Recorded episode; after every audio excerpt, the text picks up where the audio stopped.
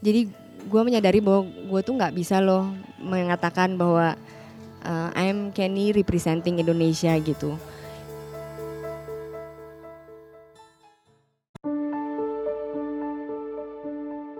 Dalam hidupnya, Kenny memilih tari sebagai medium untuk mengkomunikasikan diri. Selama mengarungi seni pertunjukan, Kenny menyadari keterbatasan akses fasilitas dan kesempatan untuk penari. Sehingga sering kali penari tidak pernah mendapatkan penghargaan yang sesuai dengan kerja kerasnya.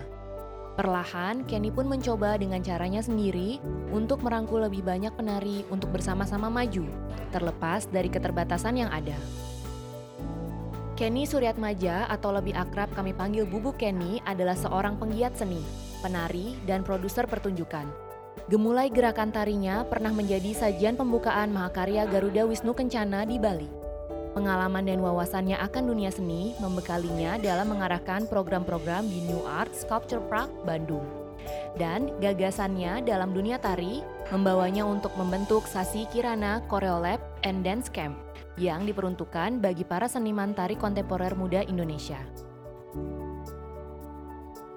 Saya Ayesa Avanti, dan inilah ruang cerita persembahan cerita perempuan ID.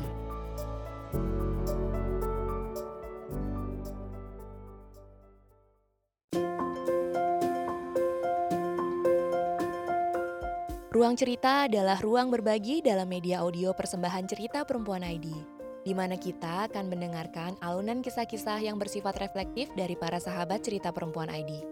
Sama halnya dengan blog dan sesi berbagi, kami berusaha menciptakan ruang yang nyaman bagi para perempuan dan pendukungnya untuk bisa mengangkat berbagai topik yang erat hubungannya dengan kehidupan sehari-hari, namun jarang didiskusikan dalam lingkup masyarakat umum.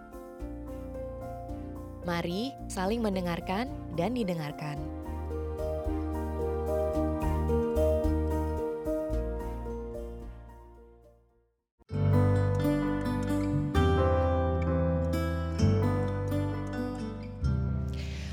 Sahabat cerita perempuan, kembali lagi di ruang cerita persembahan cerita perempuan ID. Di sini seperti biasa saya tidak sendiri, telah hadir seorang seniman, pelaku seni, penari dan juga produsen produser pertunjukan. Semuanya kita sebut ya. Yang Sebenarnya cerita perempuan itu cukup lama mengenal sosok ini sebagai uh, sahabat yang setia menemani kita di perjalanan kita. Yaitu adalah Kenny Surya Atmaja. Kalau aku sih biasanya panggilnya uh, Bubu Kenny ya. Iya. Halo, halo Bubu. Halo sahabat perempuan. Oh, nah hari ini sahabat kita, cerita perempuan ya. Sahabat cerita perempuan, jangan sahabat sahabat perempuan. Nah hari ini uh, Bubu bakal cerita banyak uh, soal perjalanan hidupnya. Mungkin teman-teman sudah mengenal karya karya Bubu di luar sana ya. Kemarin juga beberapa waktu yang lalu uh, Bubu itu menjadi penari di pembukaan apa ya peresmian Garuda Wisnu Kencana di Bali beberapa waktu yang iya, lalu. Iya, tanggal 4 hmm, Agustus kemarin. Hebat nggak sih? Terus ya kalau misalkan teman-teman langganan atau beli koran Kompas, koran Kompas atau majalah Kompas ini? Koran. Koran Kompas ya. Uh, foto muka foto muka bubu wajahnya bubu itu terpampang nyata ya terpampang yeah. nyata di uh, apa halaman pertama koran Kompas. Aduh luar biasa beruntung sekali hmm, saya itu. Teman-teman mungkin belum tahu ya selain menjadi penari sebenarnya bubu juga banyak berkegiatan di balik layar dia yaitu uh, mempunyai apa ya kan tadi dia sebagai produser pertunjukan jadi sejak 2015 ini Bubu itu setiap tahunnya ya Hubu ya, ya uh, mengadakan namanya Sasi Kirana Choreolab and Dance Camp. Mungkin ini semuanya masih sesuatu yang baru uh, di telinga sahabat cerita perempuan ya. Tapi sebelum kita masuk ke dalam-dalamnya tentang Bubu Kenny, kita mau tahu nih uh, sebenarnya asal muasalnya Bubu turun ke dunia tari ini seperti apa sih? Boleh diceritain nggak ke kita perjalanannya? Asal usulnya sih seperti anak kebanyakan di Indonesia di bukan Bandung. saya tapi bukan saya Enggak, waktu kecil kan suka dimasukin les tari gitu kan mm -hmm. sama orang tua. Nah, saya waktu itu waktu umur 6 tahun juga diperkenalkan dengan uh, les-les nari mm. sama ibu. Terus ikut di uh, ini apa Dharma Wanita ITB gitu. Dharma Wanita ITB. Dulu bikin uh, tari Sunda, tari Bali gitu kan. Nah, awalnya uh, saya ikut yang seni tari Sunda terus cuman berapa kali gitu dikenalin ke tari Bali yang ternyata lebih ekspresif terus teman-temannya waktu itu lebih banyak Oke. terus akhirnya gue terus di tari Bali nah sampai dari tahun- sekarang berarti sampai kemarin juga yang di pembukaan GWK itu juga tari Bali ya? Heeh, Jadi Hmm. sebenarnya dari umur 6 tahun nih sampai sekarang berarti hampir 34 tahun, C ketahuan deh umur gue. Lebih tua dari aku loh. Perjalanan dia di dunia Iya. tari lebih tua dari aku. itu gue terus nari Bali. Nah terus em, setelah lama banget ikut eh, nari sempat privat terus gitu sam- sekarang sampai sekarang masih tergabung di Bengkel Tari Ayu Bulan sama Ibu Bulan Trisna Jelantik itu terus membuatku berpikir terus udahlah ya kalau tari Bali sih lumayan sudah ilmunya sudah cukup banyak tekniknya sudah terkuasai gitu Eh, kemudian bertanya-tanya sendiri tuh eh, ada apa lagi ya di dunia tari ini selain tari tradisi kalau kata Hilmar Farid Oke. Dirjen Kebudayaan kita kalau tari tradisi itu Mm-mm. bukan tari kalau seni tradisi itu inovasi di masa lalu Inovasi di masa lalu. Mm-mm. pada zamannya dia memang sebuah inovasi Hmm. tapi kita juga pada zaman kita sebenarnya harus bikin inovasi yang Oh. merefleksikan zaman kita dong Hmm. gitu seperti misalnya Pak Nyoman Warte mencoba membuat GWK itu tuh ingin membuat uh, tanda buat zaman kita Zaman- gitu zaman kita, Mm-mm. dulu kita bikin borobudur uh, nenek moyang kita gitu nah sekarang uh, saya senang banget bisa menjadi bagian dari sedikit perjalanan GWK karena kerja di Nuart juga Em, bahwa itu bener banget kita tuh harus we have to mark our time gitu kan. Nah kalau di dunia seni tari berarti kita eh, sekarang berada di dunia kontemporer, masuknya ke dunia seni tari kontemporer gitu. Nah waktu itu nggak banyak temen yang bisa diajak ngobrol tentang seni kontemporer nih ceritanya tahun 2014 sih mulai mikir. Terus waktu itu saya terlibat di salah satu produksi di Singapura mm, sama teman-teman dari Bali. Kita selama seminggu intens di sana. Mm-mm. Ternyata dengan intensitas yang bangun latihan terus eh, tidur bareng, mandi kadang bareng dan lain-lain itu ternyata intensitas tuh membuat kita bisa berhubungan secara batin cie tanpa harus banyak eh, berkata-kata gitu. Jadi kalau misalnya di seni tari kan memang bahasa kita tubuh ya. Nah dengan melalui intensitas itu eh, yang semacam camp kan itu selama tujuh hari kita terus nih latihan di Singapura sampai akhirnya produksi. Eh, gue ngerasa oh enak banget ya ternyata eh, intensitas dan em, workshop kayak gini. Malah tuh- justru intensitas itu eh, apa ya membuat bubu nyaman gitu ya sebelum pertunjukannya bukan malah jadi stres bu. Iya, soalnya kebanyakan kalau kita pertunjukan di kota sendiri gitu, itu kan abis latihan pulang, balik lagi ke eh, ritme sehari-hari Hmm, gitu. Ke alamnya masing-masing. Terus ketemu latihan mesti balik lagi, konsentrasi lagi gitu. Sama aja lah gue yakin penulis, pelukis apa pun juga ternyata membutuhkan juga tuh intensitas yang terus-terus supaya karyanya berhasil gitu.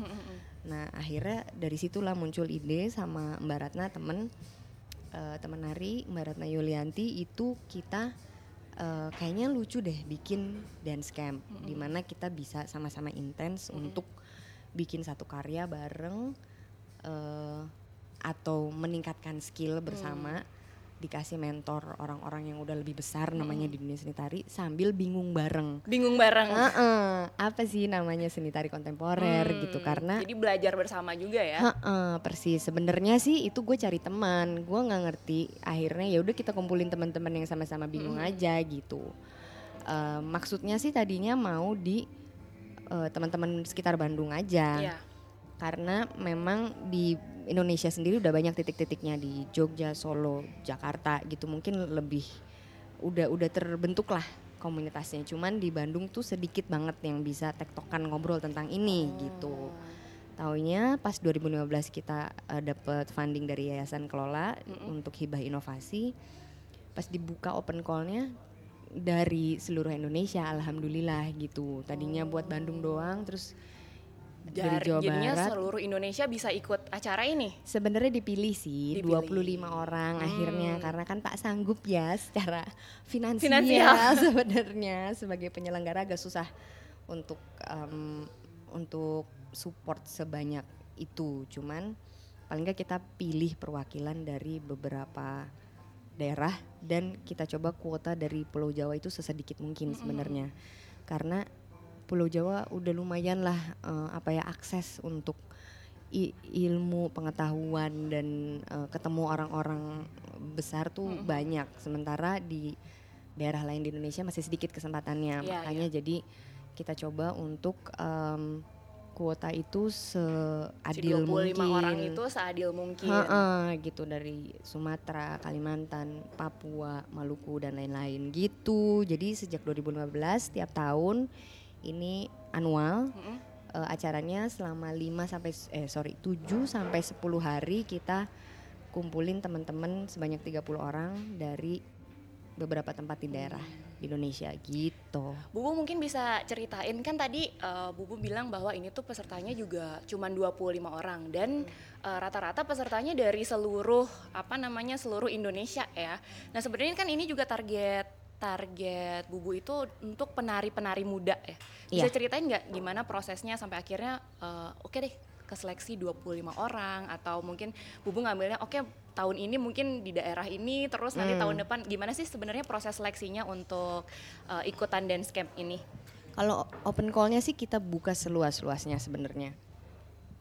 Em, melalui sosial media. Hmm.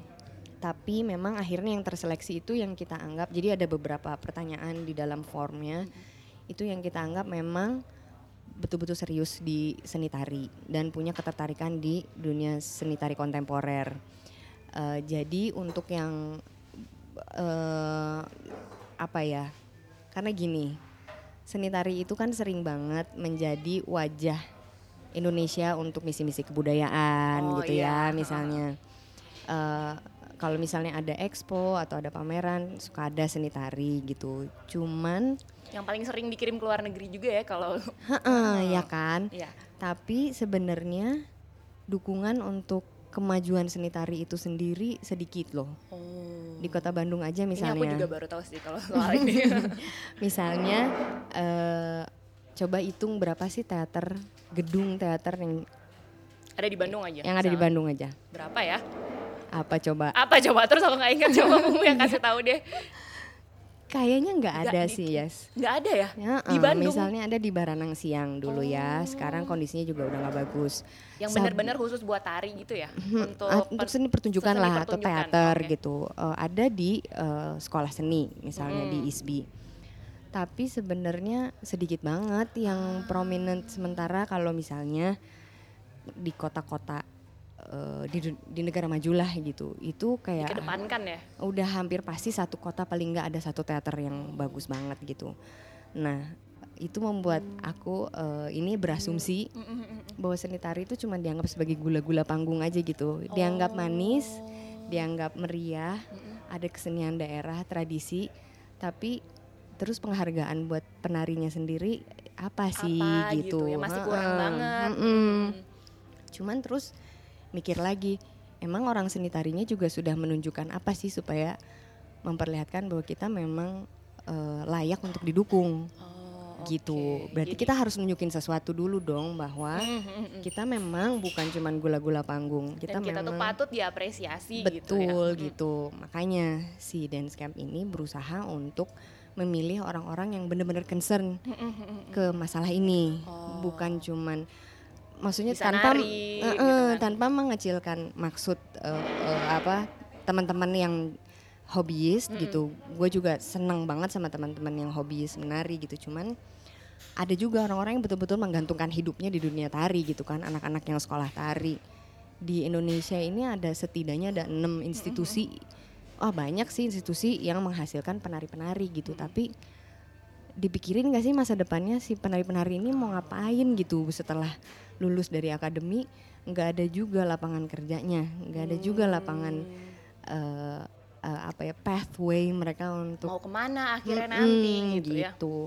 Nah kalau emang nggak ada ya udah yuk bikin gitu. Itu maksudnya. Jadi di-create lagi sama bareng-bareng gitu. Heeh, gitu. Ini sih kayak semacam laboratori laboratorium aja. Buat research and development ya. Betul banget. Untuk dunia Karena ternyata sendiri. banyak banget yang bisa kita pelajari dari situ, Hmm. Ayesha. Dari 25 peserta yang akhirnya ikut dance camp ini eh, dan berasal dari apa ya daerah-daerah yang bervariasi. Jadi eh, diverse sekali lingkungannya di dance camp ini ya, Bubu ya. Nah, itu sendiri sebenarnya kegiatan mereka eh, sehari-harinya tuh dan gimana sih di sana tuh sampai akhirnya mereka bisa mungkin dapetin value yang tadi Bubu sampaikan ke aku gitu. Iya iya.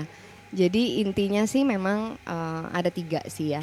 Satu memang pengayaan skill dari mentor-mentor yang kita minta mentor-mentornya itu kita usahakan yang memang eh, sudah berpengalaman banget dan diakui secara internasional. Misalnya eh, Mas Eko Supriyanto, terus ada Uni Hartati, terus kita juga datengin beberapa mentor dari luar.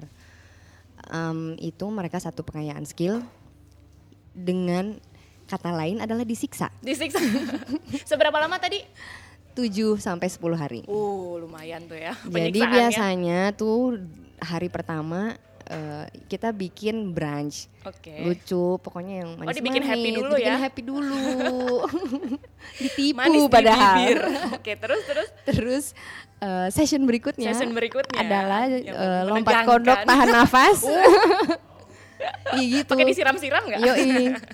Intinya sih eh, memang biasanya hari kedua terus pada nggak bisa jalan ya. Oh. Karena memang intens banget. intens banget workshop intensif. Kita berapa? pelatihan dari jam 9 pagi sampai 9 malam. Uh, Jadi memang dance 12 camp hours. banget gitu. Nah, selain eh, pengayaan skill juga conceptual thinking. Jadi kita berusaha untuk yang tadi itu, hey kita bukan gula-gula panggung saja, tapi kita Iya. juga punya otak. Buktikan. Betul. Karena mau kalau mau bikin karya seni kontemporer emang otaknya yang harus dibangun gitu. Em, konstruksi berpikirnya yang mesti eh, berhasil menyam- me- membentuk sebuah statement yang ingin disampaikan ke masyarakat melalui karya tari lo. Nah, jadi eh, satu skill fisik, terus kedua conceptual thinking, ketiga adalah network. Hmm. Jadi kita berharap melalui pertemuan mereka yang intensif di dance camp itu memang rata-rata biasanya udah kayak keluarga banget jadinya karena mereka eh, senas se, Eh, sepenanggungan sepenanggungan gitu ya.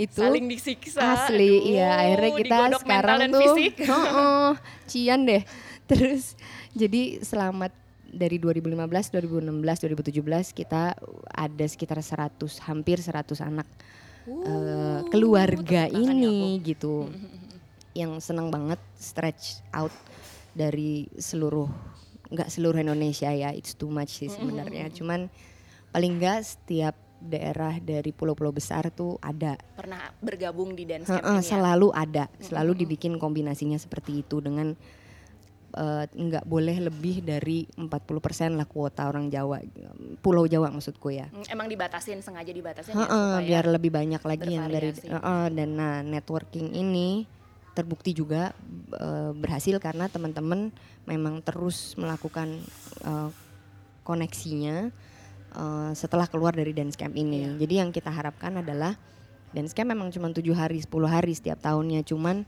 ini harus berkelanjutan gitu. Eh, anak tahun 2015 ya harus kenal juga sama anak 2017. Ntar lu juga ketemu-ketemu juga gitu sebenarnya yang tinggal di Banjarmasin, yang tinggal di Papua, yang tinggal di Maluku gitu. Itu juga itu jadi kayak apa eh, apa namanya gardu-gardu kita di setiap daerah gitu. Ini mulia sekali apa yang Bubu lakukan Mulia. untuk melestarikan Kayak apa nama dunia keramik. di Indonesia. Iya, mulia. Nama keramik jangan ngebrand loh di sini. Eh saya anak keramik loh. Oh, anak keramik. Oh. Terus bisa langsung apa namanya ke dunia Oh karena iya, sebenarnya sen- gua ya. sih sekolahnya sih seni rupa. Hmm. nggak ada pen- pendidikan seni tari. Seni tari pendidikannya informal lah sebenarnya. Gue juga berawal dari hobis yang di itu disuruh-suruh mama digeret-geret tiap minggu buat latihan gitu kan. Gimana tuh Cuman- membaginya tuh? Eh, ternyata komplementer aja sih karena Saling mendukung juga ya. Heeh. dunia seni rupa kontemporer di Indonesia mungkin lebih infrastrukturnya lebih baik, lebih jalan gitu, pasarnya juga ada. Dari situ gue banyak banget belajar untuk gimana ya menyesuaikannya di dunia seni pertunjukan. Gitu. Kan tadi misalkan uh, Bubu dalam membuat dance camp ini sebenarnya kan ingin ingin berbagi ilmu ya, akhirnya mengundang teman-teman, terus akhirnya belajar bersama. Mencari ilmu keles ya, gue. Ya udah berbagi, terus mencari, akhirnya belajar bersama di situ kan. Iya. Nah tapi dari 2015 sampai sekarang ini menjalani dance camp itu, kira-kira apa sih yang bisa Bubu dapat untuk diri Bubu sendiri gitu yang emang Bubu lihat dari apa ya keseharian mereka waktu lagi dance camp atau apa yang kayak sesuatu yang bubu pelajarin gitu dari apa yang bubu lakuin di dance camp ini? Iya ternyata um, gue menyadari bahwa ketika kita bilang bineka tunggal ika tuh beneran loh. Beneran ya? Benerannya tuh gimana coba diceritain? Beneran dari sesuatu yang sangat fisik nih ya misalnya. Anak Maluku yang sehari-hari manjat kopra. Uh, kopra tuh apa ya? Terus aku nggak tahu. Astaga, coba di browse dulu kak. Jadi uh, dan juga dia anak yang hidup dari budaya maritim, uh. udah terbiasa sama berenang. Uh, otot-ototnya tuh beda banget sama anak um, Padang Panjang misalnya yang hmm. uh, ber apa dasar tubuhnya tuh berawal dari silat gitu. Mm -mm Secara fisik itu udah berbeda. Fisik kita juga kan beda-beda, yes. Iya, iya benar. Kita aja beda uh, udah uh, di sini. Uh, uh, dan cara mereka mengekspresikan dirinya melalui tubuh, juga gestur, berbeda. betul sangat beda. Uh. Cara mengekspresikan gimana anak dari Mandailing bisa uh, berkomunikasi sama anak Klaten juga mm -hmm. gitu kan, itu menarik banget gitu. Dan itu akhirnya semakin menyadarkan gue bahwa uh, kita tuh sangat spesifik. Jadi gue menyadari bahwa gue tuh nggak bisa loh mengatakan bahwa uh, I'm Kenny representing Indonesia gitu. Oh, Indonesia itu such a diverse, sangat country, bervariasi sekali. Bervariasi gitu. banget. Dan kita ini hanya satu titik yang sangat spesifik. Aku cuma bisa merepresentasikan Kenny orang Bandung. Mm -mm uh, urban, urban, uh, yang berada di kelas ekonomi tertentu dengan tingkat pendidikan tertentu, yang pasti beda banget konteksnya dengan teman-teman kita di daerah lain gitu. Jadi uh, dari dance camp ini, gua sangat menyadari bahwa keragaman itu benar-benar uh, potensi, baik potensi konflik mm -hmm. Maupun potensi positif yang bisa kita manfaatkan bareng gitu. Kalau kita menyadari posisi kita masing-masing. Hmm. Gitu yes. Well, emang Indonesia itu cukup luas banget ya. Bahkan aku sama Bubu aja nih baru mendengar cerita hari ini, aku baru tahu Bubu tuh orangnya seperti ini ya di dalamnya. Maksudnya cerita perjalanannya juga iya padahal kita udah kenal ya cukup lama lah ya. Iya. uh, terima kasih banget kehadirannya Bu Kenny ceritanya hari ini sangat menginspirasi teman-teman atas perjalanan uh, Bubu apa ya melestarikan sih sebenarnya aku bisa bilang gitu nggak ya?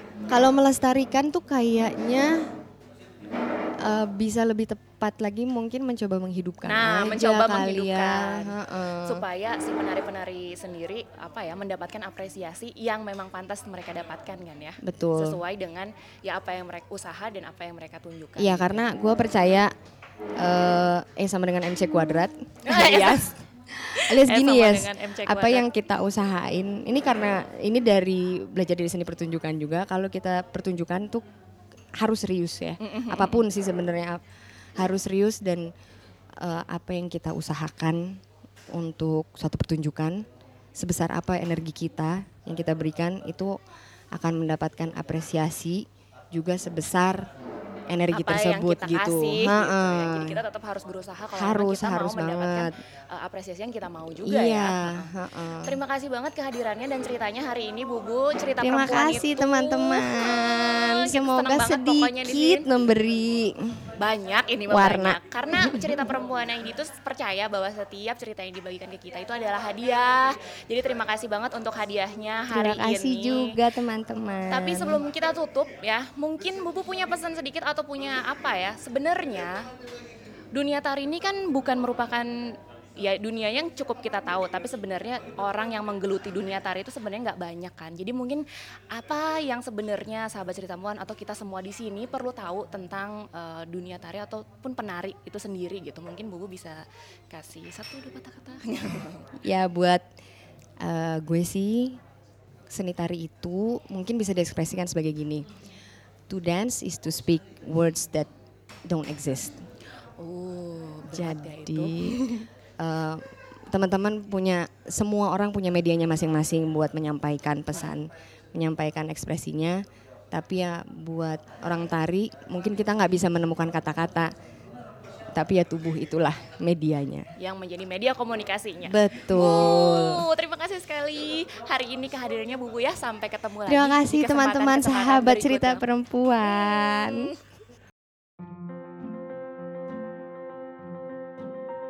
Perjalanan Kenny selama 34 tahun di dunia tari membawanya melihat banyak ketidakadilan. Dan bersama empati dan semangat yang tidak pantang putus, ia terus berusaha memberikan kontribusi untuk membantu lebih banyak penari berkarya. Tentunya di dalam hidup kita, kita juga ingin sekali berbagi kebaikan bersama orang banyak. Bagaimana denganmu? Apa yang kamu lakukan untuk kebaikan orang lain? Ruang cerita adalah ruang berbagi dalam media audio persembahan cerita perempuan ID. Ruang ini tidak mungkin hadir tanpa tim konten dan riset kami yaitu Alamanda Hindersah, Aulia Amanda Santoso, dan Prasanti Widiasih. Juga saya sendiri, Ayesa Avanti, sebagai suara di balik ruang cerita. Konten visual berupa ilustrasi untuk kepentingan publikasi ruang cerita dibuat oleh Wanda Almira. Ruang cerita pun tidak mungkin bisa didengarkan oleh kalian semua bila tidak diproduksi dan diolah dengan baik oleh partner kami, Jaka Abima dan Erlana Wismoyo. Terima kasih juga kami sampaikan bagi kalian yang hadir mendengarkan kisah kali ini. Sampai jumpa di episode Ruang Cerita selanjutnya.